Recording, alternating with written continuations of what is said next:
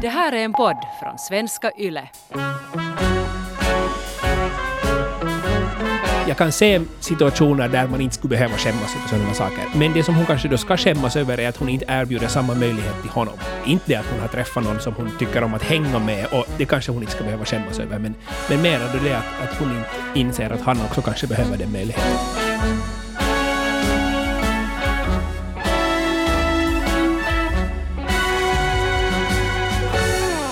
Så blev det igen en sån här vecka att det blev, blev nytt rekord, tror jag. Har du märkt det, Hanna? Vi har fått brev så det understrutnar. Ja, vi är, det kom en tsunami av eh, historier om var man egentligen kan dra gränsen för otrohet. Och mera specifikt var just du drar gränsen för otrohet. För någon sån allmän gräns tror jag nog är ganska svår att, att dra. Ja, det finns inte eh, riktigt. För att jag menar, en kan tycka att, att bara du ens tittar lite snett på någon i marketen så är det här då ett stort svek. Medan någon annan kanske tycker att det var inte så farligt att det hände någonting där på julfesten. Så, så var och en måste ju dra de här egna gränserna. Men äh, det har varit roligt att läsa era historier för väldigt mycket variation har vi fått i de här svaren. Och det verkar också som att det finns en, en viss skillnad också beroende på kanske hur gammal man är och vilken livssituation man är i. Och, och, och så här. Men äh, det här är ju ett svårt ämne förstås och därför så tänkte vi att vi skulle ta och rulla in lite förstärkning från vår systerkanal Yle Extrem.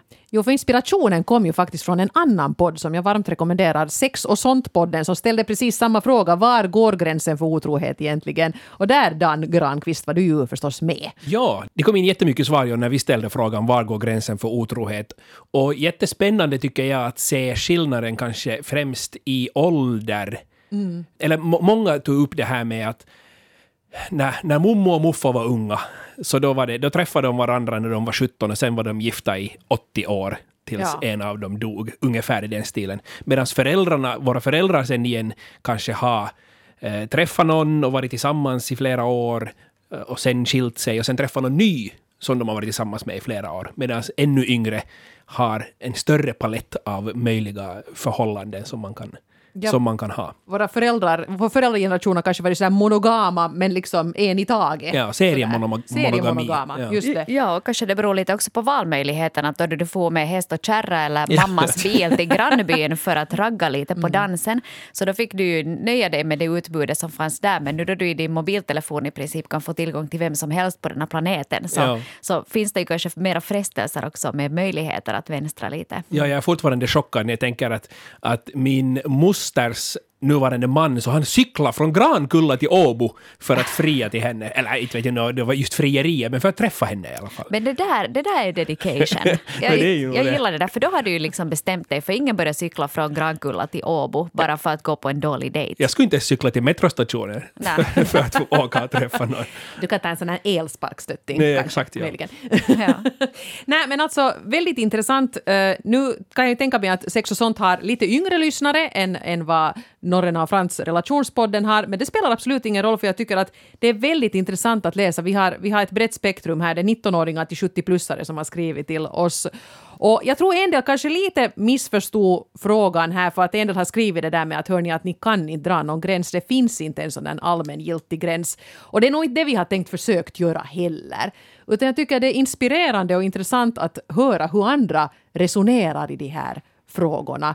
Eh, och jag vet inte själv, ställer någon frågan till mig att var drar jag gränsen för otrohet? Så inte vet jag riktigt. Jag är ju liksom gift sen länge och, och, och så här. Ha, har inte enligt egen uppfattning varit otrogen på vägen här men, men liksom det tål att tänka på. Kanske jag kommer att landa i någon sorts gräns själv i slutet av det här avsnittet. Mm. Och inte också så här att man måste ju komma överens lite med sin egen partner. För det kan ju hända att man har lite olika gränser beroende på i vilken eh, livssituation man är och hur ens partner ser på det. Jag vet att du Dan och din partner, ni har eh, bestämt sinsemellan att var er gräns går. Ja, det var en diskussion som vi förde i något skede. Och, och just med det här tanke på att, att det ändrar med åren, så, så tycker jag, för jag kommer ihåg i, i början av förhållandet så pratade vi om att eh, är det nu sen otrohet om man med, med webcam träffar andra människor? Och då kom vi, kom vi fram till att ja, nej, men det är det nog. Det räknar vi nog som otrohet. Att det Alltså ska här den här göra. hösten så är det ju liksom en arbetsdag men... Ja, men, ja, det men beror ja. lite på vad man gör med dem på Exakt, också ja. i och för sig. vad kiva möten ni verkar ha. Eh, Men, men nu så har vi sen på senare år hitta andra saker i vårt förhållande som vi värdesätter jätte, jättehögt eh, än sex. I början av förhållandet så kanske det är sex mest hela tiden och, och det är jättetrevligt och jättekul och sådär. Men sen efter tio år så, så då har man hittat eventuellt någonting annat än sexet som för en samman. Och eh, då, då tänker jag, eller vi mera så att när man är singel och har sex så, så älskar man ju inte alla människor man har sex med. Så varför ska det måste vara så när man är i förhållande? För det är många kanske säger så här att ja, men det är ju vår kärlek och vi älskar varandra, så vi, det är bara vi som har sex med varandra. Men, men inte älskar jag alla andra jag har sex med. Mm. Utan det, ibland kan man ha sex för att det är kul eller för att man har tråkigt eller, eller Men, vad som helst. men ni har sådär att ni kan eh, ha sex med andra personer och att det inte liksom betyder just ett stort svek eller så? Så är det ja, men, men vi pratar väldigt öppet om allting och vi har gått igenom de här reglerna och vi har vissa, vet du, att vi, vi blir inte och myser med någon annan. För, att det, är det, det. som är, för det är det som är vår, vår grej. Vi myser jättemycket tillsammans och det vill vi sen inte dela med, med andra människor. Nej, Nej men jag, jag tycker, vet du, jag tycker sådär allmänt talat att you're on to something. För jag, jag tror att bland ganska många så finns ännu den här normen kvar. Att oj, man hittar den här ena partnern och så lever man tillsammans och den här ena partnern ska liksom tillgodose alla ens behov och liksom vara den här perfekta. Och vi ser ju att det här inte funkar. Folk skiljer sig jättemycket och folk är otrogna fast man inte har kommit överens om det och folk blir sårade och det blir liksom kalabalik i väldigt många relationer och det, det slutar ju inte bra för många.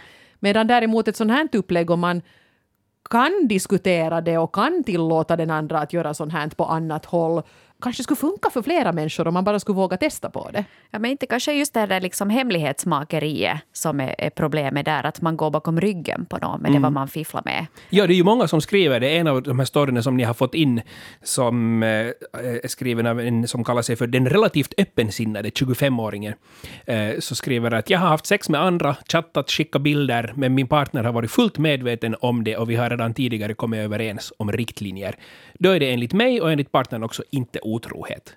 Och det är just det här att när man börjar gömma och dölja saker för den andra, så, så då börjar det ju mera påverka förhållandet och trovärdigheten och, och tilliten inom förhållandet. Jag skulle kunna påpeka i det här skedet att just det här med överenskommelser och, vilka, och vad man har bestämt i förhållande, så det har vi gjort tidigare avsnitt om också. Vi har gjort eh, avsnitt om att ha ett öppet förhållande, vi har gjort avsnitt om polyamori då du har eh, flera kärlekshistorier liksom parallellt. Så att det, det kan man ju gå in och kolla på arenan och, och lyssna på det lite närmare sen. Att, Hur det, att hur det egentligen funkar, Hur det så kan funkar, man ja. höra mera om där om man väljer att, eller blir intresserad av, av det upplägget.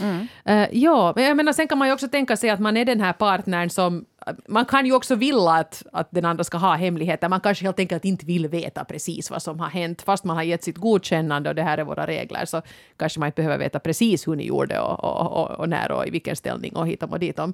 Eh, och det är ju förstås också helt okej. Absolut. Det, det gäller bara att komma överens sinsemellan om att vad funkar för just oss. För, för det som vi ser som är viktigt för oss är det att, att vi tittar inte på andra människors förhållanden och säger att hur gör de? Ja. För att så gör vi ju inte med någonting annat heller. Att vi tittar, okej men hur gör Eva? Okej men nu gör vi precis som Eva så då blir det nog jättebra. Även om du är bra, väldigt, mycket, väldigt bra Eva på många saker, så, så, så måste vi ändå göra det så som det passar för oss. Men i och för sig så har ju Eva varit gift väldigt länge också, så hon har ju nog något hemligt knep. Ja. Ja, det Ja. kanske jag har. Men Det får vi återkomma till i ett annat sammanhang kanske. Men, men jag måste ändå fråga av dig Dan, eftersom du och din partner har haft det här snacket, hur gör man? Hur tar man initiativet i den diskussionen? För jag tänker att där skulle det kunna gå jättefel om jag nu skulle gå hem och säga att hör du Jonas, det här med, med otrohet, hur förhåller du dig till det? Så det kan ju nog hända att han, han blir lite till sig och undrar att vem, vem har du nu träffat? Vad har du nu varit på för videochatt? No, men så är det ju, absolut. Jag tror att det är viktigt att man, man tar upp det. Det kan hända att man har funderat på det jättelänge från olika saker, från andra grejer, men att man inte säger att hej, jag har i, i, i tre år nu funderat på att jag vill ha sex med andra. Det funkar inte. Utan kanske säga att hej, jag lyssnar på den här relationspodden. Eller jag lyssnar på sex och sånt och där pratar de om otrohet. Och jag insåg att vi har inte ens pratat tillsammans om att var drar vi våra gränser. Just det. Och så att man, man får den här idén att prata om det här har kommit helt just och därför vill jag ta upp den nu, även om man kanske har funderat på det en längre tid. I bästa fall kan det ju bli ett ganska sexigt snack dessutom. No, men det kan det bli, Båda kan absolut. bli lite så att, oh, Fast man inte ens har gjort någonting ännu.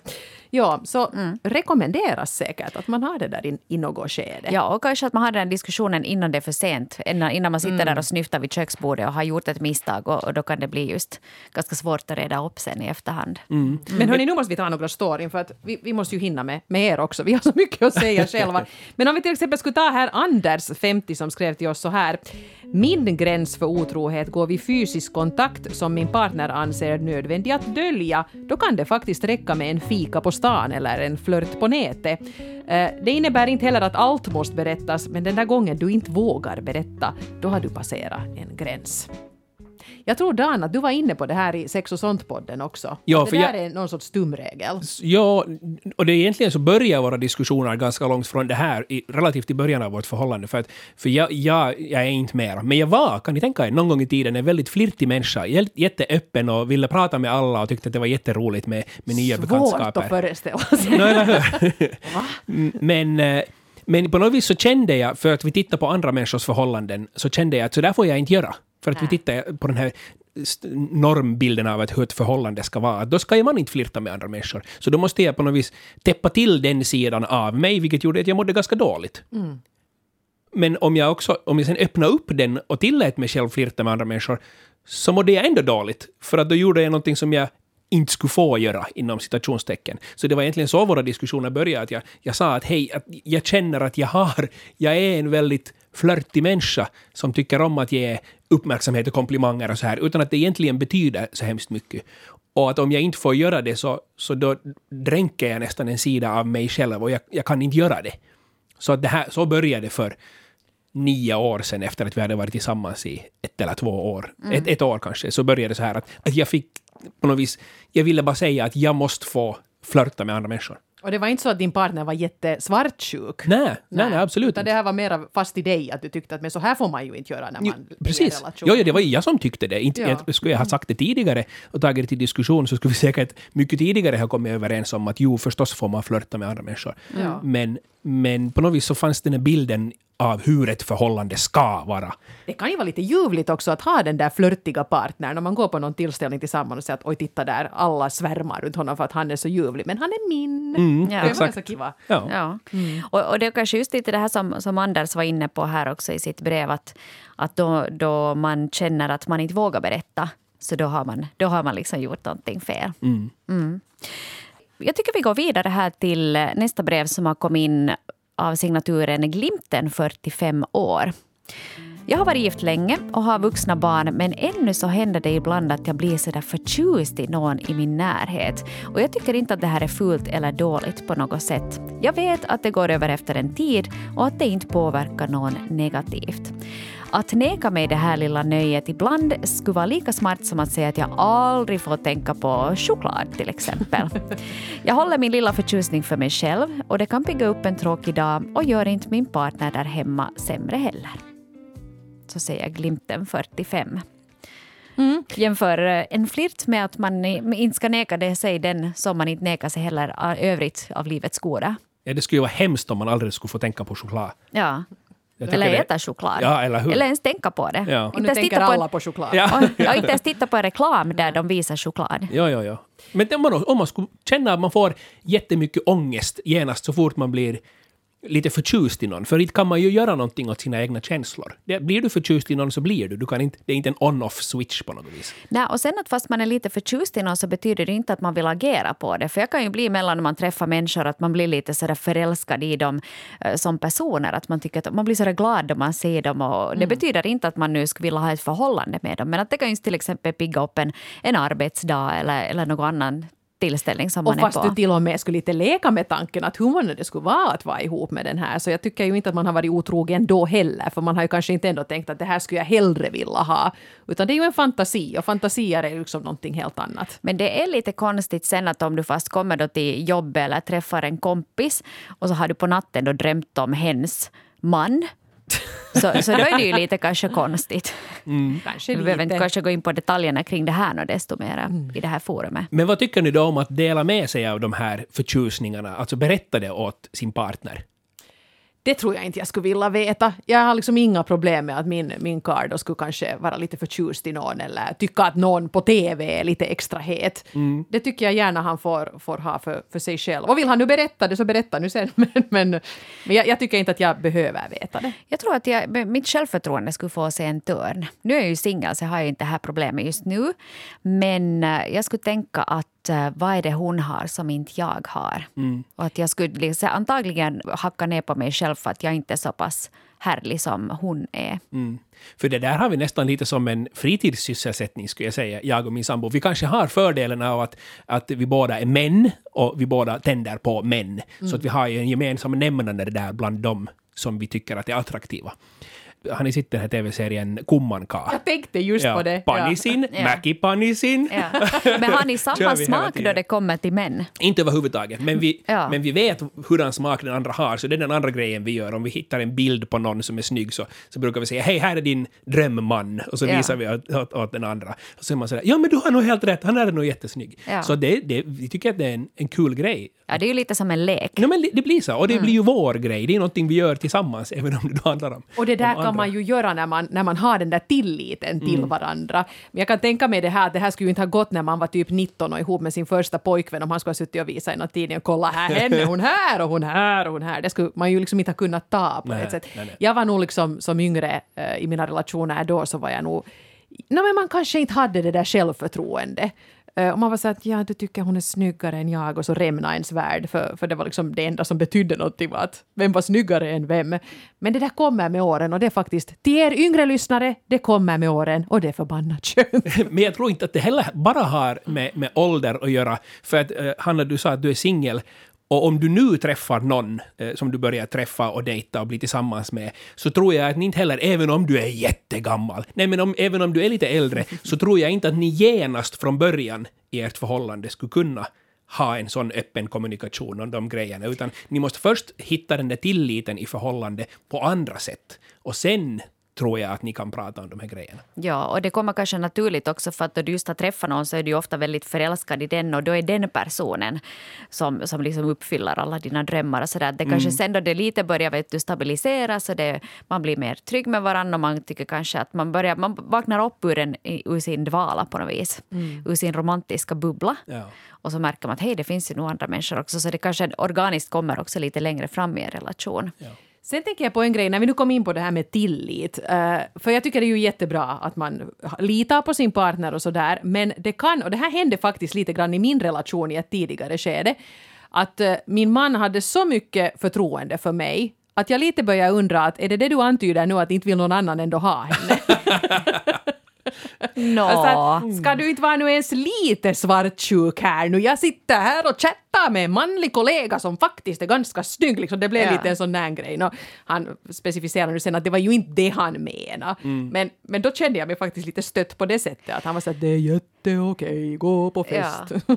ja, ja att, det, att, det liksom, att det kan nästan vara en skymf om den andra inte är svartsjuk alls. Ja, Ja. Mm. Men, det är ju, men också i, i relativt öppna förhållanden så, så tror jag ju inte att man, att man inte är svartsjuk. Utan den är bara mera tillåten, den där svartsjukan. Hemma hos oss, visst är vi svartsjuka ändå, alltid nu och då, men den är mera tillåten för att den är mera befogad. För att i, i, i ditt fall, Eva, så kanske den inte var befogad, den där svartsjukan. Och om han då skulle ha varit jätte, jätte svartsjuk, så skulle han kanske ha mått dåligt över att vara så svartsjuk. Ja. Men hemma hos oss, så den är jättebefogad, den där svartsjukan. För att vi pratar med andra människor och vi träffar andra människor ibland. Och jag antar att den ändå är ganska kontrollerad. Den är det är liksom kontrollerad. inte någonting som Ja. uppslukar er relation, att, att man hela tiden kyttar på den andra. Men den är kontrollerad därför för att vi pratar om den. Precis. För att den är så befogad och den är, den är tillåten. För i, i- vad ska man då kalla, ett stängt förhållande så kanske den där svartsjukan inte är så tillåten.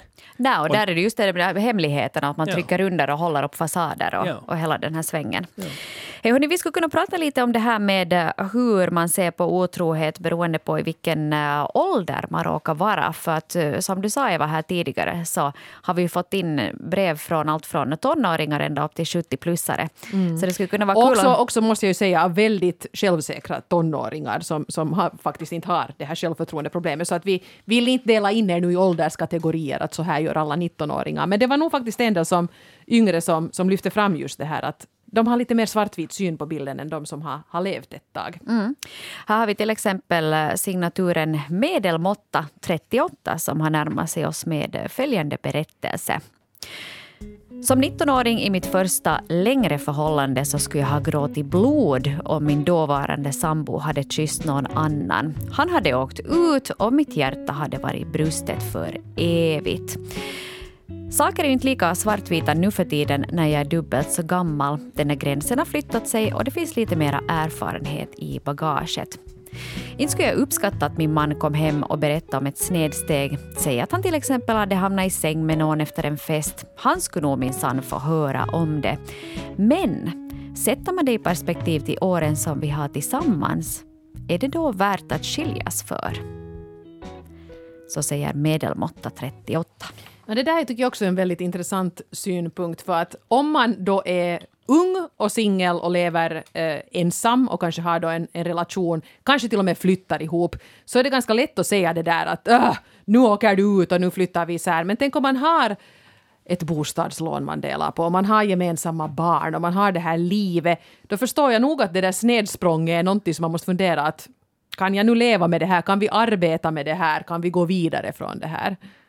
En av storyna som vi fick in till Sex och sånt-podden när vi pratade om det här, så var just det att de istället för att prata om sina regler eller vad får vi göra, vad får vi inte göra, så diskuterar de bara adress var ska du bo och var ska jag bo? Nu flyttar jag ut. Mm. Och så skrev de, ja men först flyttar jag ut. Och sen efter en tid så pratade vi och så flyttade jag in tillbaka. Och, och, och sen så gjorde hon det igen. Och då flyttade jag ut. Men sen nästa dag så skulle jag hämta sista av mina grejer och då blev jag kramas på soffan. Praktiskt. Så då flyttade jag in tillbaks. Ja. Att det blir jättemycket det här med att, att, att ska vi bo tillsammans eller ska vi inte bo tillsammans? Ska vi vara tillsammans eller ska vi inte vara tillsammans? Istället för att diskutera de där praktiska sakerna, att hur ska vi vara tillsammans? Hur får vi det att funka? Mm. Ja. Ja, men det där är en bra poäng, ja. Det, det, blir som, ja, man hakar upp det på onödigt konkreta grejer om man bara funderar på den där adressen. Mm. Ja, men jag tänker just här med, med den här uh, brevskrivaren att, att jag tycker att det är ganska vuxet att kunna tänka det på det sättet. Att okay, att man, säkert är man sviken och man är ledsen och man är besviken på den där andra partnern om det här har hänt utan ens överenskommelse. Men att sen att om du jämför fast att du har varit tillsammans i tio år och någonting har hänt en natt så alla de här övriga då nio åren och 364 dagarna som mm. ni har varit tillsammans är de värda att slänga bort på grund av den där ena natten. Mm. Det kan ju inte jag svara på, eller någon annan heller. Men det är ju det som man kanske måste fundera, att man inte heller där just blir så jättedramatisk som du sa Dan, att nu flyttar jag ut och så här att det är storstilat. Att kanske man behöver då sätta sig ner och fundera, men vad ska vi, vad ska vi göra nu då? Att vad betyder det här? Precis, Hur alltså blev det, det så här? Det kanske inte är det optimala sättet det här, men, men om ett snedsprång sker, och det är nu det är varet och faret och man kan inte göra någonting åt det något mer, så kan det ju också vara en ingång till det där snacket som, som vi pratade om här som Dan rådde, att man bara sätter sig ner och, och, diskuterar att var går våra gränser. För man kanske vaknar upp och inser att oj, min gräns gick tydligen inte riktigt där vad jag hade tänkt mig och nu gjorde jag så här. Varför gjorde jag det? Mm. Eh, saknar jag någonting i vår relation? Kanske jag lite gör det. Kanske jag fick den här bekräftelsen nu här på ett annat håll. Eh, det är ju lite jobbigt att gå in i den diskussionen när den ena kanske har blivit sårad och den andra har gjort något tokigt. Mm. Eh, men också då kan det ju vara ett sätt att styra upp relationen, att göra de här reglerna på nytt. Ja, det kan ju vara lite av en wake-up call också. Att okej, okay, att nu går vi tydligen helt på slentrian här och vi låter det fara bara och mitt i allt så märker vi att vi har ingen kontroll över situationen alls. Uh, här var också uh, en annan som hade skrivit om det här med uh, hur det förändras lite längre fram i livet. det var en 70-plussare som hade skrivit in. Jag tycker den här signaturen, en som vet och har råddat till det, 70 plus. Den är jättefin mm. på något vis. Att jag har nu levt och jag har nu roddat. Ja. Men nu har jag nu lärt mig också. Mm. Skriver så här. Ingen kan leva ett helt liv utan att känna attraktion till andra än äkta hälften eller sambon. Det avgörande är hur vi agerar på attraktionen. Kan vi bara konstatera faktum, acceptera och gå vidare så är ingen skada skedd. Vi är inga helgon, vi är levande människor. Människor har känslor. Och tack och lov för dem förresten. Men låt det stanna vid det. Snälla, inga luncher och inga träffar, för då är fan lös. oh. Då är fan lös. Ja, säger 70-plussaren här som kanske då gick på en lunch och en träff för, för mycket. Men, Mm. men, men lärde sig någonting på kuppen och det får man ju också vara tacksam för. Så är det. Ja, men jag tycker det, där, det är härligt och, som den här personen skriver om också att, att om du är i en lång relation att man blir ju inte blind och döv och, och man är inte immun. Det finns inget vaccin mot att bli förtjust eller attraherad av någon annan och, och kanske just att man måste tillåta sig själv det där. Kanske man kan njuta av det likt man njuter då av, av eh, choklad eller ett gott vin eller någonting annat. Och det finns ju de här paren som har varit ihop en hel livstid och som säger att men vi har alltid enbart haft ögon för varandra. Och jag tror ju inte riktigt på dem. Om, om, om, om ni finns där ute så skriv till relationspodden att yle.fi och säg att Frans, du, du har fel och vi finns här och vi tycker faktiskt så här, men jag tror inte att ni finns. Ja, eller åtminstone i något skede så har det varit lite krackel Nu har, man ju någon gång, nu har man ju någon gång haft ett gott öga till någon annan. Jag menar, man kan inte ha så totala skygglappar på att man inte blir attraherad någonsin av någon annan för att man har ett, ett par. Mm, det är som den här 70-plussaren skriver, tack och lov för dem, för känslorna alltså, att man får uppleva en ny förtjusning eller en ny, kanske till och med förälska sig i något skede och sen inse att, att den var där, den var jättekul, den var jättebra för mig, men nu går jag vidare, nu, nu fortsätter jag med min, med min partner. Och man kanske aldrig liksom har ens träffat den där människan eller inte haft sex eller gjort Och det någonting. kanske lite bekräftar den där relationen man har också att oj, här kom det nu liksom en frestelse. Men nej, jag väljer ändå det här som jag har, för det är ändå bättre. Det kan ju till och med stärka eh, den syn man har på sin egen relation om man går igenom en sån process. Hej, vi skulle ännu kunna ta ett brev här som har kommit in från signaturen Mer kärlek åt folket 41 år. Och det här är en lång berättelse men jag tycker, vi tänkte Eva, att vi skulle kunna ta och köra den helt i sin helhet. För att eh, då man hör den här historien så förstår man också hur den här personen eh, resonerar och kanske inte lika snabb med att börja kasta de där stenarna. Jag har alltid trott att jag aldrig skulle kunna förlåta det om min partner var otrogen. Att jag skulle säga tack och hej och dra direkt. Men nu, över tio år in i äktenskapet och med några barn i ekvationen, så ser jag annorlunda på saken. Jag har nämligen i ett halvårs tid haft ett intimt förhållande med en annan man. Och det värsta är att jag inte ens har särskilt dåligt samvete för det här. Jag älskar min man, min familj, vårt liv och vill inte ge upp det. Det som min älskare ger mig är någonting rent eskapistiskt, en liten verklighetsflykt från det där jämntjocka makaronilunket. Ingen del av oss inbillar sig att det här ska leda till någonting mer. Vi gillar varandras sällskap och är fysiskt attraherade av varandra, men vi önskar ingen gemensam framtid eller så. Vardagens glädjeämnen och bekymmer vill jag också i fortsättningen dela med min man och jag skulle aldrig överge honom. Han är min bästa vän och jag vill ha honom vid min sida i ålderdomen. Men samtidigt är det väl just där som skon klämmer. Vårt förhållande har alltmer blivit vänskapligt i motsats till passionerat och erotiskt. Min man vet inget om mitt sidospår och jag hoppas han aldrig får veta eftersom jag inte vill såra honom. Men när vi har diskuterat relationer har han också ställt sig försiktigt positiv till så kallade öppna förhållanden. Det känns snudd på orimligt att en enda person ska vara ansvarig att tillgodose den andras behov, både fysiska och psykiska, för resten av deras liv. Och har många gånger den senaste tiden funderat på om inte nutidsmänniskans parförhållande, med tanke på hur vanligt det är med skilsmässor och olyck- olyckliga relationer, är en rätt skev och onaturlig konstruktion. Kanske hippierna på 60 och 70-talet ändå var inne på rätt spår med sina tankar om fri kärlek. Där satt den. Ja. Alltså jag, jag förstår ju nog det här och jag tror att det är så många 41-åriga som är inne i makaronilådsträsket som kan känna igen sig i det. Att fy fan vad det här är tråkigt och vi är bästa kompisar men det finns ingen passion här mera och, och sen kanske man ser då eh, vad brukar vi kalla den här el- eldiga älskaren? Pelle. Ja, Pelle kommer in i bilden. Nu är Pelle tillbaka. Nu är Pelle tillbaka. Så han är alltid den här som, som får symbolisera. Då kommer Pelle in i bilden och, och ger dig liksom all den här uppmärksamheten och passionen. Du känner att det börjar pirra på ställen som du har glömt att det kan pirra i. Det, är ganska lätt att falla för frestelsen. Men samtidigt så skulle vilja knyta tillbaka till det här som vi var inne på i början. Då sa du just Dan om det här med att man har den där överenskommelsen före. Och du sa också Eva om det här att det är lite svårt sen efter att man har haft eh, den här affären att då börja kunna ta upp diskussionen genom ett öppet förhållande. Så att Det Man kan- vet ju inte vad den andra sen riktigt tycker när det här redan är, har hänt. Nej, men sen tycker jag lite synd om den här mannen också. Som kanske, eller nu vet jag inte, jag hoppas ju att han också har hittat en älskarinna åt sig. Men att tänka att om han går omkring, för hon skriver ju att, att ehm, han har varit lite försiktigt positiv till så kallade öppna förhållanden. Men tänk om han går omkring och bara skulle vilja göra någonting med någon annan, men väljer att inte göra det för, för att han inte vill förstöra deras förhållande. Och sen är hon ute och, och, och svirar med sin älskare. Så jag hoppas ju att, att även om de kanske inte har pratat om det här, att han har insett läget och, och hittat en älskarinna åt sig. Mm. Och det, och det är ju en ganska lång tid det här också. Det här är ju inte att man var på en, en julfest. Den här julen så kommer vi gå, gå trygga från alla snedsteg för vi har, alla har väl våra julfester virtuellt. Men liksom tidigare då det talades om att man drack för mycket glögg och så var man och hånglade där bakom kopieringsapparaten och sådär. Det kommer ju inte att hända nu och, och det är en kväll men att i ett halvt år medvetet föra sin person bakom ryggen, så, så, eller bakom ljuset. Så, så det är ju nog, jag, jag skulle nog se det här som ett stort svek. Förlåt nu, jag, jag älskar den här storyn men jag tycker att det är nog ganska fult gjort. Jag funderar också att jag menar just nu känner hon inte speciellt dåligt samvete men, men det kan, finns ju nog kanske risken att det kommer i något skede.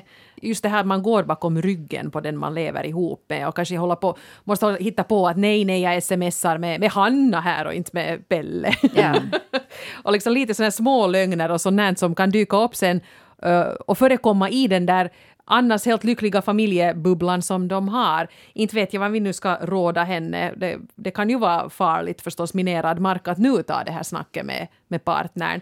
Men Jag tycker att det där snacket bör föras nu. För att annars så kan det här fara helt up shit creek. Ja, jag tror nog jag. det, för att det, det, liksom, det har gått redan ett halvt år. Okej att du inser att, att eh, det, det, någonting kanske måste göras i något skede ändå.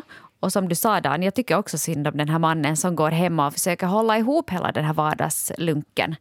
Och kanske också själv är frustrerad men väljer att inte göra någonting. Att, att jag tror nog att det är dags att, att börja sätta katten på bordet där och sätta Pelle på bordet. Sätta så, Pelle på bordet men också förstås vara tydlig med att, att den här mannen ju också får göra som han vill. Om det här liksom är vad, vad vill han? Skulle han också vara intresserad av det här? Och sen också kanske, ska den här relationen hålla om han säger jag kan förlåta dig för det här med Pelle men jag vill att du slutar nu. Så då måste hon ju kanske respektera det då. För att annars börjar det handla om andra saker än otrohet tycker jag. Jag tycker det börjar handla om respektlöshet och, och det tycker jag är jobbigt i en relation. Vad säger du Dan? Vad, vad, vad, vad skulle du göra i en sån här situation? Vad tycker du? För jag tror att det här är en situation som gäller många. Att man kanske har någonting vid sidan om. Om man uh, rättfärdigar det för sig själv med att tänka att ja, men det här är ändå bara oskyldigt. Det är ändå bara sex eller det är ändå bara en flirt. Att det, det är min man som är det viktigaste. Nu, på något vis så håller jag ju med eller tycker att hon kanske inte ska behöva skämmas över den här saken. Eller ska vi säga, jag kan se situationer där man inte skulle behöva skämmas över sådana saker. Men det som hon kanske då ska skämmas över är att hon inte erbjuder samma möjlighet till honom genom att prata om det. Det, det, det tycker jag hon ska skämmas över i så fall. Inte det att hon har träffat någon som hon, som hon tycker om att hänga med och är det nu sen sex som de har så då råkar det nu vara det. Det, det kanske hon inte ska behöva skämmas över. Men, men mer det att, att hon inte inser att han också kanske behöver den möjligheten. Bra tänkt där. Jag tycker nu öppnar du en helt ny dörr för oss Dan. För jag hade inte tänkt det på det sättet. Utan man tänker att nej, men nu måste vi hova in den här tvåsamheten igen och låsa in den in i den här eh, familjelägenheten där de bor. Att kanske de båda skulle må bra av att ha lite kul på sidan om. Och skulle det inte vara ganska skönt att gå iväg på sin dejt med Pelle sen och veta att det här är jätteokej? Jag, Ja. jag gör inget fel nu Ja, här. han Eller har- kanske det han blir helt ointressant då. Det kan ju finnas den risken det också kan hända förstås. sen eller sen så vet man att okej, okay, men nästa helg att då får jag hålla mig hemma för då ska han ut med Pia. Ja. Så. Eller det roliga skulle vara om han också har på gång med Pelle. Mitt i allt kan det vara så också. Pelle vet ni, han, Han är nog- han är nog en charmant. Ja, ja. Så att, varför står min mans skor i din tambur Pelle? Hej, tusen tack till alla er som har skrivit in. På svenska Yles webbplats så kommer vi att publicera eh, betydligt flera historier, men tack för att ni har delat med er. Och tack också till dig, Dan Granqvist från Yle Extrem. Dig hör man också i Sex och sånt-podden, så där kan man gå in och, och lyssna mera på dig och det vad ni pratar om där. Tack, det var kul. Och vi är ju tillbaka igen om en vecka då med något helt annat ämne. Hörs då. Hej då! Puss!